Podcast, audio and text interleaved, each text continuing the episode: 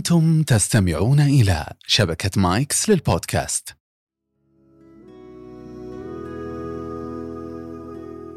السلام عليكم ورحمة الله. حياكم الله في حلقة جديدة من بودكاست مهارات والموسم السادس. مهارات وحلول. كثيرين عندهم مشكلة كيف أقدر أكتب؟ والكتابة الصحيحة التي تعبر عن الأفكار اللي عندي ولذلك اليوم جبنا لكم مهارة الكتابة. حبينا نستضيف فيها شخصية جميلة وروائي ومؤلف أكثر من 26 رواية. خلينا أقول كتاب لأن بعضها مجموعات قصصية. فحياك الله أستاذ أسامة المسلم. أهلا وسهلا. شكرا للاستضافة. روائي سعودي. آه، ما شاء الله عليك في عالم الرواية وكتبك آه، الجميلة والتي ترجم منها خوف للغة الإنجليزية وبساتين عربستان إنجليزي وفر... وصيني؟ صيني نعم. وصيني. وعما قريب فرنسي؟ إن شاء الله. إن شاء الله. آه، على القوة أخوي أسامة خلينا ندخل في مهارة الكتابة. ماذا نقصد مهارة الكتابة؟ ف- فل- فلنعرف المهارة آه، قبلها. يعني المهارة هي نستطيع أن نقول لغة آه، إتقان أو ممارسة عمل ما ب- بكفاءة. فما هي الكفاءة؟ هو أن تنجز العمل بإتقان وسرعة. غياب أحد العنصرين السرعة أو الإتقان يفقد آه، يفقدك ميزة الماهر في عمله. فمهارة الكتابة آم، تختلف عن موهبة الكتابة وفي كثير يخلط بينهم. آه، أن تكون موهوبا هو أنك تملك آه، بعض الأساسيات آه، بشكل فطري. تجيد التعبير عن نفسك لأن الكتابة مثل أي تعبير إنساني كالرسم كالخطابة كالحديث هو أن تعبر عن مشاعرك خبراتك تراكماتك الإنسانية. بوسيلة ما. الكتابة هي أحد هذه الوسائل. إن تحدثنا عن الشعر عن النثر عن الرواية أو حتى عن الكتاب.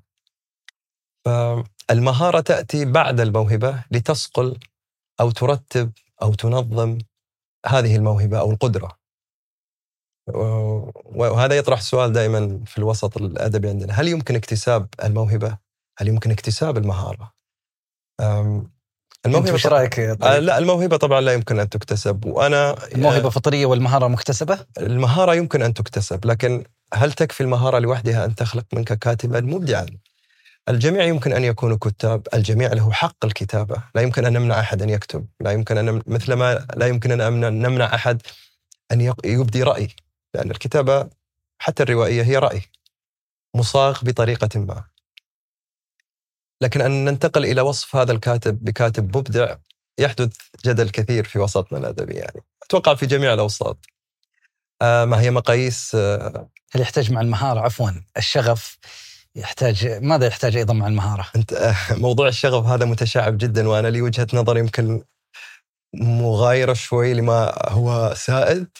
الشغف مهم الشغف عنصر لكن له بال- بالتأكيد ليس كافي كي يخلق منتج آه، جيد أو كفؤ مثل ما قلنا. آه، الشغف محرك هو وقود وليس وليس المحرك الرئيسي. أعتقد أن أي أي ناتج أو منتج يستحق ال- الاستهلاك هو ناتج عن الإصرار العمل الدؤوب العمل حينما لا تريد أن تعمل. هذا يأتي بالشغف والشغف يعززه وقد يجعله أسهل أحيانا لكن غياب الشغف هل هو سبب كي تتوقف؟ هنا ندخل أيضا في نقطة أخرى وهي ما هي أهدافك من الكتابة. البعض يكتب للشهرة البعض يكتب للمال البعض يكتب لأنه يجد راحة في الكتابة يجدها متنفس. آه، البعض يختار أن يصرخ والبعض يكتب. فعودة إلى السؤال كي لا نتشعب. مهارة الكتابة هي مهارة مكتسبة لا شك. مهارة تطور ما هو موجود أصلا. آه، أن تبدأ من العدم آه، كشخص لا يجيد ال- المهارة عموما أو المهارة الكت- الكتابية خصوصا لا شك أن الدورات الكتابية تساعد. تجعلك تستكشف نفسك. ولذلك أنا كثير أنصح الكتاب الجدد بأنهم يمضون وقتا في اكتشاف أنفسهم قبل أن يقدموا على يعني مجازفات في الكتابة. آه، فكرة أن الجميع يستطيع أن يكون كاتبا فكرة خاطئة. مثلما ليس كلنا يستطيع أن يكون عازفا شاعرا شاعرا لاعب لكرة. القدم أي حاجة. من أيضا أنا ما. أدري ليه الكتابة استثنت وتم ترويجها على أن الجميع يستطيع أن يكتب إذا التحق بدورات مناسبة وعمل على نفسه هذا صحيح لكن هو لن يصبح كاتب هو سيكتشف إذا كان يمكن أن يكون كاتب فالمهارة وسيلة وسيلة أن تكتشف نفسك إذا كنت تصلح لهذه ما راح أسميها مهنة لأنها ليست مهنة آه، لهذا المجال طيب هذه المهارة والكتابة طيب لماذا نكتب؟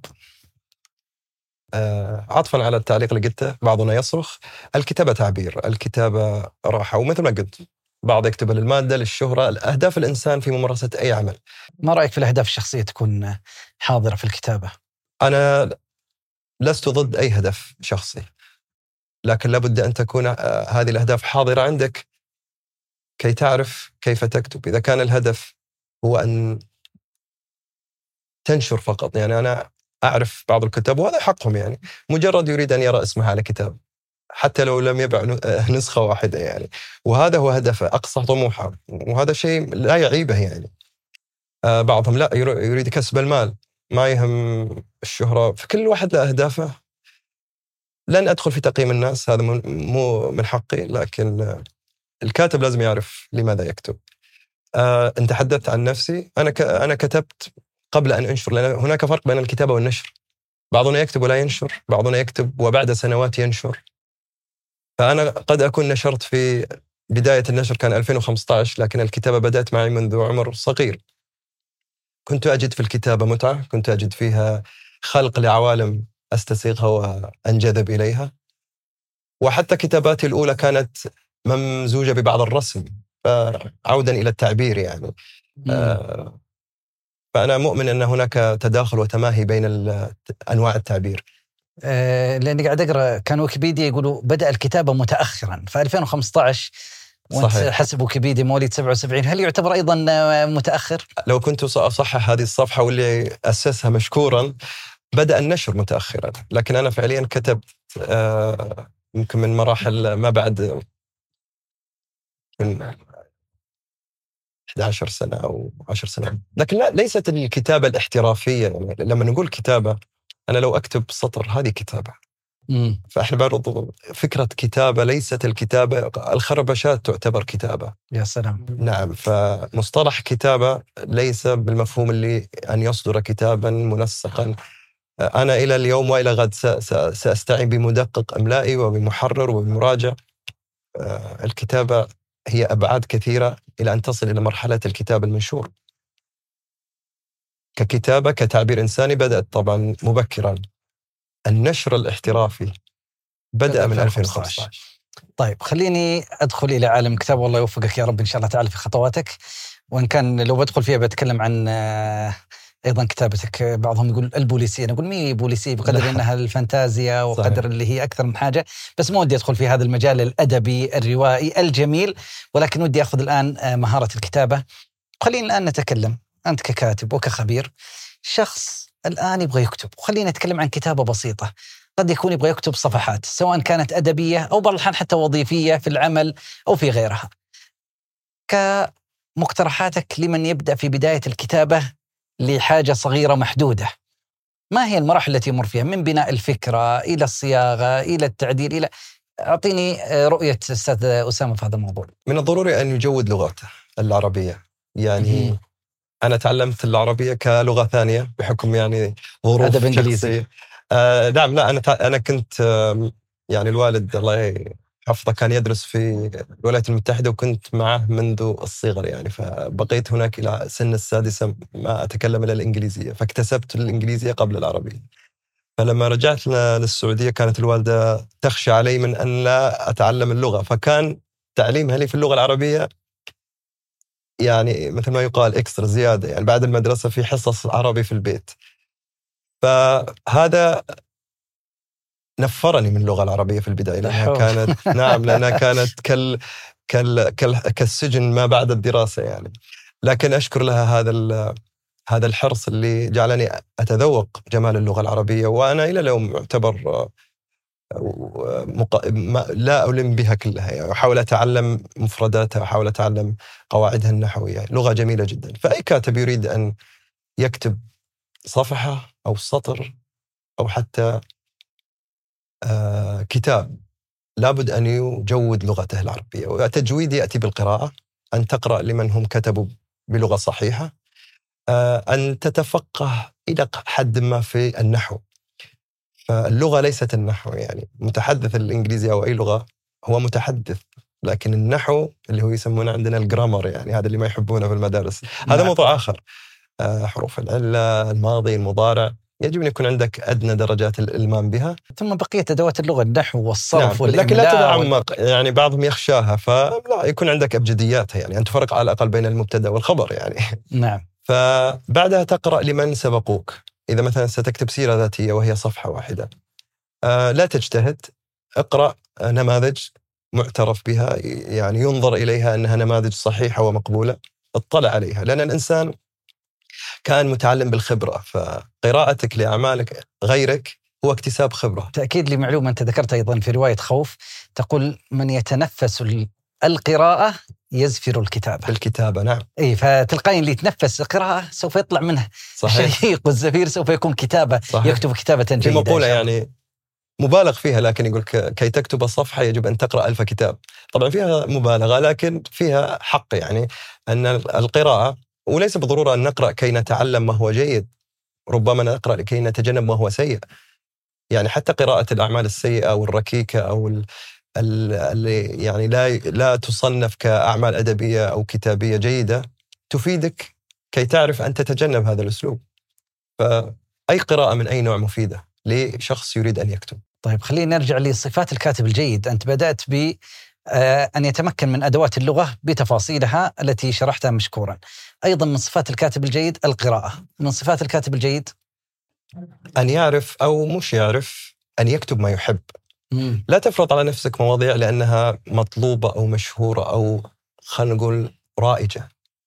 اتباع الصيحات الكتابية أعتقد أنها ضيعت كثير من الفرص على الكتاب الناشئين أن يكتبوا في مواضيع هم يجيدونها. على سبيل المثال في وقت من الأوقات آه، راج نوع معين من الأدب عندنا في السعودية وفي الوطن العربي يعني صنف من أصناف الأدب.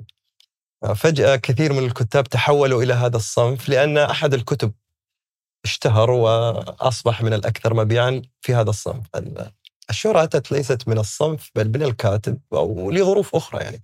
فتجد 60% من الكتاب الذين كانوا يكتبون في أصناف أدبية أخرى تحولوا إلى هذا الصنف وكأنهم يلحقون ما يسمى اليوم بترند معين. آه، أعتقد أن هذا انتحار لأي كاتب أن تتلون حسب رغبات الناس وليس رغباتك. أنت ككاتب ستجيد ما تحب. فاكتب ما تحب اكتب ما يستهويك. وحتى ستكون الكتابة أسهل. لن تتعصر بين قوسين الكتابة وأنت تكتب في موضوع فقط لأنه مطلوب منك. ولذلك أنا دائما أحيي ويعني وأتعاطف مع كتاب المقالات الأسبوعية لأن مطلوب منا أسبوعيا أن يخرج لنا بمقال. الله يعينه. نعم عنده فكرة ما عنده لأنك لست متروكا ل مو هواك لكن متروك لمزاجك وممكن لا تجد وقتا في الكتابة يعني ممكن تبقى شهورا لا تكتب حرف وبين يوم وليلة تنتهي من فصل كامل. هذه ليست مزاجية بقدر ما هي تموجات يسمونها أحيانا وحي أو مو وحي إلهام عفوا. إلهام الكتابة وغيرها. الكاتب الظروف تحكمه في الكتاب لكن أن يطلب من أن يمارس الكتابة كعمل وهناك من يمارسون الكتابة كعمل. أنا أنا أحييهم.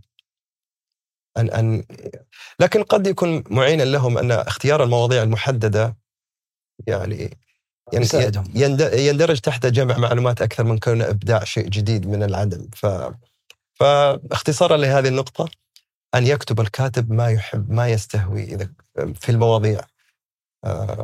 إذا كنت لا تحب الفانتازيا فلا تكتب فيها إذا كنت لا تحب التاريخ فلا تعبث به. ولذلك أنت يستهويك مثلا آه، الموروث العربي ما قبل عصر الإسلام. نعم الجاهلي. فلذلك كتبت فأجدت آه، فيه. إن شاء الله. تستهويك علوم البحار فكتبت فأجدت فيها. نعم. فأتوقع كثيرين. يبحث عما يستهويه فسوف يكتب فيه بحب وشغف. صحيح. وعلى قولهم صنع بحب سوف. يقدم للناس بحب بإذن الله تعالى. ودي آه، أنتقل إلى حاجة ودي أناقشها معك، أعرف أنت لا تؤمن فيها ولكن خليني أسألك فيها. هل هناك طقوس معينة للكاتب عندما يكتب؟ هو مو ما أؤمن فيها لا هي أنا لدي آه، خلينا نسميها عادات لأن الطقوس تندرج تحت القدسية التي لا تكسر يعني آه. لا في عادات آه، لدي يعني قد لا أكتب إلا بوجودها صحيح لدي يعني.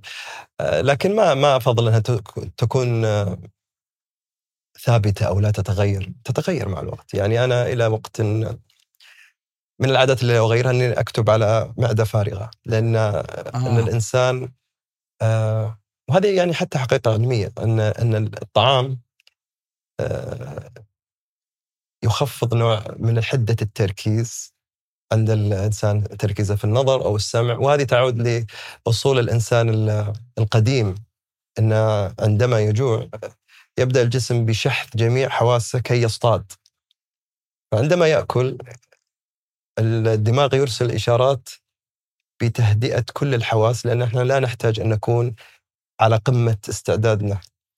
فهذه معلومة حقيقة هي ليست ف... حقيقة علمية. وأنا نصحت فيها بعض الكتاب وأعتقد جميعهم أشادوا بأنها نفعت معهم عندما يصابون بما يعرف بال... بال Writer's Block أو ال- القفلة الكتابية. فأن تستيقظ وتتناول آه، بعض الش- الشطائر والشاي والسكر بالذات. وتبدأ تكتب ستجد صعوبة ما أقول ما راح تكتب لكن ستجد صعوبة أكثر في الكتابة. آه، مقابل أن تكتب على معدة فارغة. فهذه من ما أدري تسمى طقوس أم؟ العادات أو لا بس. عادات نعم من ناحية المكان والزمان. الهدوء مهم جدا. آه، ال- ال- الجوال الهاتف الذكي أنا أشوفه من ألد أعداء أي كاتب يريد أن يختلي بنفسه وبأفكاره. تماما. يعني مو فقط اضعه على الصامت بل أطفيه تماما. آه وقد أضع في غرفة مختلفة لأن آه تدرب الإنسان على صوت المنبه المسجات ال- فالالتفات المتكرر هذا لن يضعك في حالة ذهنية صالحة لخلق عوالم روائية آه مقنعة. أؤيدك تماما بالذات في الجوال. في إنجاز أي عمل آه، يعني هو يقتل الإنجاز والمذاكرة والشغلات هذه كلها. طيب نبغى أيضا ننتقل إلى كل من يسمعنا. نحاول نجيب عن سؤال كيف. إحنا قاعدين نتكلم عن مهارة الكتابة. نعم. بدنا بحكم خبرتك وما شاء الله 26 رواية وكتاب. من أراد أن يكتب؟ ولو يبغى يكتب بس حتى أي كتابة سواء كانت أدبية أو حتى لو إيميل يبغى يكتبه في العمل ما هي الخطوات التي تقترحها من تجربتك؟ هي خطوة واحدة مهمة يبدأ بها أن يكتب فقط. يا سلام. لا يضع عوائق لا يفكر في الأمر أكثر من اللزوم. يكتب يمسك سواء قلما أو كيبوردا ويبدأ يكتب. يكتب ما في باله. لا يت... لا يهتم بالتدقيق الإملائي. في البداية طبعا. لا يعني إذا المسودة كتب الأولية نعم, نعم. إذا استرسلت في الكتابة لا تعد وتضع همزة أو تحول هاء إلى تاء مربوطة. هذه الوقفات اتركها. دع الكتابة تخرج منك آه، كخروج الماء يعني المتدفق من ال من ال من العين. يعني خلها تنطلق. التدقيق أو المراجعة أو التنقيح هذه لأمور النشر. نحن الآن لا ننشر نحن نكتب. فاسترسل في الكتابة استرسل في الأفكار. آه، حتى وإن بدت هذه الأفكار في بعد الأمر غريبة غير منطقية استمر وانطلق. ثم عاود وراجع ما كتبت وأبدأ فند هذه الكتابة. هذه يمكن قاعدة عامة أنا أشوفها في أي حتى مجال سواء رواية كتاب شعر نثر. لا تضع حواجز أو قيود أو خلها نقول مطبات تعطل هذا الاندفاع الكتابي. آه بعدها ننتقل إلى مرحلة إذا أردت أن تكون هذه أو هذا النص أكثر تنظيما تدخل إلى مرحلة تدقيق أو تنسيق أو إلى آخره. طيب أبغى أدخل أيضا إلى زاوية الكتابة الرقمية. نعم. التدوينات القصيرة في تويتر في بعض المنصات الأخرى. نعم. ما هي وجهة نظرك فيها؟ ماذا تقترح؟ هي قنوات جديدة للتعبير. أنا أشوف أنها كانت مفيدة. طبعا في كل شيء فيه سلبيات وإيجابيات. آه، كانت مفيدة أعطت منبرا للجميع. آه، والإنسان في النهاية يختار يعني الجيد ويترك السيء أو قد يختار السيء حسب هواه يعني. آه، تويتر من المنصات اللي أشوفها كانت جدا جميلة. حتى في البداية لما كانت أظن محدودة بسبعين حرف. كانت الك... ال... نعم الكاتب الذي يحصر أو يوضع له حدود يبدأ أكثر. هذا هذا موضوع آخر أنا آه، حريات الكتابة وسقف الحرية وإلى أي مدى. أنا إنسان أؤمن أن الخطوط الحمراء مفيدة للكاتب أكثر من فتح الخطوط الحمراء. ولأن يعني حتى في خوف في عبارة أخرى آه، كتبت وهي الحرية المطلقة هي نوع من أنواع الفوضى. فتح فتح الخطوط على مصراعيها بح- بحجة أننا يجب أن ننطلق في الكتابة كيفما شئنا. أعت- آه، أعتقد أنها تفسد الإبداع. المبدع هو من يستطيع أن ينجز مع وجود القيود وليس في غياب القيود. يا سلام. نعم. هذه فلسفة جديدة. دائما يقول لك القيود آه، تقيدنا تعيقنا تأخرنا تضع. بالعكس أنا أجدها أنها تضبطنا. discipline اللي هو الانضباط ال- الإنسان ال- المنضبط يؤدي أفضل وينجز أفضل.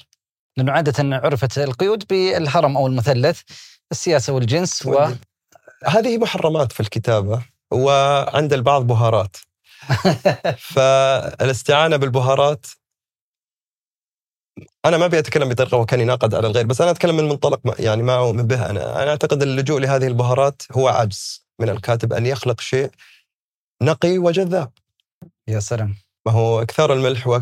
ال- حتى في مجال الطبخ لو تسأل بعض الطباخين لما تفسد الطبخة عليه إما يزيد من الفلفل أو الملح أو البهار كي يغطي على سوء الطبخة. فالبهار في الأصل هو منكه أو مزكي لشيء لا طعم له. فهذا المثلث ممكن أن تتطرق له لكن أن تجعله محور روايتك أو تشبع روايتك منه أنا شخصيا اشوفه نوع من العجز الأدبي. أبغى أدخل للجانب التحريري. ذكرت آه، قبل قليل النحو والإملاء واللغة وكذا. آه، هل تقترح اقتراحات معينة في الناحية التحريرية؟ بالذات يعني أنت آه، ما شاء الله جمعت العربي والإنجليزي فكلاهما عندي بعض الأسئلة بس بد- بعدين بدي أسألك يعني ذكرت الإنجليزي دحين من يترجم رواياتك؟ هل ترجمها أنت ولا والله أحد للأسف وتراجع؟ للأسف كان هو المفروض أنا أترجمها لكن ال ال الوقت لا زال يعني ضيقا للروايات العربية كي ألحق أن أكتبها لأنك إذا ترجمت ستكتب رواية مثل ما يعني الوقت المس- المستهلك هو نفس وقت كتابة الرواية. ففضلت إني أستعين بمترجمين آه، يترجموها وأنا أقوم بمراجعتها وتنقيحها حسب ما ارى يعني لابد أن تمر علي وأراجعها. لكن هذا سيختصر علي وقت. المراجعة أسبوع إلى شهر أهون من كتابة ثلاث أربع أشهر. طيب خلينا نعود اذا للتحرير، هل في مهارات تحريرية معينة تقترحها أيضا لكل من يكتب؟ قد لا أكون أفضل شخص يق- يقترح هذا لأني لا أؤمن مو لا أؤمن عفوا لا أستخدم التحرير في كتابتي لأن المحرر وظيفته هو ان ياخذ نصك ولا يدققه املائيا بل يدققه تعبيريا. والتعبير نرجع ونقول هذا خاص بالكاتب. آه البعض يحتاج تحرير. والبعض لا يحتاج تحرير. الكت- الكتاب ال- الشباب الجدد قد يحتاجون بعض التحرير في البداية. يعني إعادة صياغة عبارة. لا لا يخل بالمعنى لكن قد يقول لك إن العبارة هذه أفضل تقديم هذه العبارة. هذا هو التحرير. أعيد صياغة والصياغة، الجمل. نعم. بالضبط. آه كثير من الكتاب الذين يعني صدر لهم كتب أو روايات وأثبتوا نوعا ما وجودهم في الساحة لا يستعينون بالمحررين لأن يرونها انتقاص فيهم. ما أتكلم عن نفسي لكن أنا ما بدأت أساسا لم أستعن بمحررين منذ أن بدأت. لكن أيضا أحيانا التحرير سلاح ذو حدين لأن التحرير وجهة نظر شخص آخر. وقد لا يكون هذا الشخص ملما بما هو مناسب لهذا العصر. وهذه نقطة مهمة. تحريره قد يكون في عصر مختلف. لأن لأن التحرير وجهة نظر لما يناسب الجمهور أو قد يكون أنسب لفهمهم إلى آخره من عناصر التحرير. فهل التحرير مهم؟ مهم جدا. لشخص أعطيك مثال. أنا الآن سأستعين بت أو استعنت بالتحرير عندما ترجمت بساتين عربستان للغة الصينية. لأني أنا لا أفهم الشعب الصيني وما آه، يحب أو يكره. ولذلك بساتين عربستان الصينية فيها بعض المواضيع التي تم آه، يعني إزالتها من الرواية لأنها لا تتفق مع الثقافة الصينية. هذا نوع من التحرير. وأبقوا على عناصر تتوافق مع ثقافتهم آه، الصينية. ليس بالضرورة شيء محرم أو كذا لكن في بعض الأمور قد تثير سخط تثير آه، غرابة أو قد لا يفهمونها على على الإطلاق. فهم يس- فالمحرر يعني يعطيك خيار أن تستغني عن الفكرة هذه. السؤال الأخير في التحرير حتى ننتقل لمحور جديد في الصياغة اللفظية وطول الجمل وقصرها نعم. آه، حتى تصل للقارئ إلى أيهما تميل الجملة الطويلة المركبة من أكثر من آه، فكرة بعض الأحيان ولا يلحق الواحد يأخذ فاصلة ثم تكتمل أم أنا مؤمن بطريقة ما يعرف بالسهل الممتنع في الكتابة. ألا تكون معقدة جدا مفخمة مليئة بالمصطلحات اللغوية الثقيلة ولا أن تكون بسيطة لدرجة ال ال- الميعان يعني في في نقطة في المنتصف أنا أفضلها أن تكتب بطريقة بسيطة وبسيطة ليست ذما الكثير لما يسمع كلمة بساطة وكأنها شيء سيء بالعكس البس أصعب طريقة تكتب فيها البساطة المعقدة هل علي. الطنطاوي بيطبق عليه هذا الأسلوب مثلا؟ نعم أبغى كتاب معينين. غازي القصيبي غازي وكثير من صحيح. كتبوا بهذا الأسلوب وهو أسلوب آه، في ظاهره سهل وهذا ليس مدحا أو ذما لأي أسلوب كتابي لكن في الحقيقة هو أسلوب صعب جدا يعني أن تقرأه سهلا يسيرا لكن لما تحاول أن تكتب به تجد أنه يعني يتطلب شوي تركيز طيب آه، نبغى ندخل يعطيك العافية عن آه، جزء ما بعد الكتابة في بعض الأحيان قد يكون خط التأليف. فالتأليف تحدث قبل قليل أن الأدب والرواية لها خطها وأن يكون الإنسان له أهداف وكل حاجة. لو آه، إنسان أراد أن يؤلف في مجاله في تخصصه نعم ويكتب فيه ك- سواء كباحث أو غيرها، ماذا تقترح له؟ طبعا هنا آه، نحن الآن نتحدث عن الكتاب. وليس الرواية فالرواية الكتاب هو عبارة عن مخزن من المعلومات. هذه المعلومات في الغالب تكون آه، معلومات عامة يستطيع الجميع أن يصل إليها وخاصة في عهدنا ما شاء الله الإنترنت وجوجل وإلى آخره. والذكاء ال- الاصطناعي. أي والذكاء الاصطناعي فالمعلومة حاضرة. لكن ما يفرق كتابا عن آخر هو ناقل المعلومة. هذا المؤلف لديه بعض الخبرات لا يملكها سواه. فهو يأخذ المعلومات المعروفة ويغلفها بخبراته في هذا المجال. فشخص مثلا سيكتب في الطب وهو طبيب وله تجارب في الطب. فيأتي بالمعلومات المعروفة الثابتة ويصيغها بتجاربه. فيخرج لنا بكتاب من خبراته مبني على معلومات ثابتة. فهذا هو ال- التأليف المبني على خبرات المؤلف الكاتب. لابد أن يكون له لمسة. أما إذا سيجمع فقط معلومات ويصدر آه، موسوعة جمع واعداد وليس تأليف. جمع وإعداد سيصبح نعم بالضبط طيب آه، حقيقة الحديث معك ماتع والآن تفاجأت أن. المخرج يقول لي خلاص في الدقائق الأخيرة آه،. فودنا نسمع من كلمة أخيرة لكل من هو مهتم في عالم الكتابة ماذا تقول له؟ اكتب ما تحب حاول استكشف لا تتردد كل إنسان يملك موهبة المطلوب منه هو أن يكتشف ما هي تلك الموهبة. شكرا لك أستاذ أسامة المسلم يعطيك العافية. الله يعافيك شكرا يا دكتور أهلا وسهلا. شكرا لمتابعتكم ونلتقيكم في مهارة قادمة وضيف قادم بإذن الله. إلى اللقاء.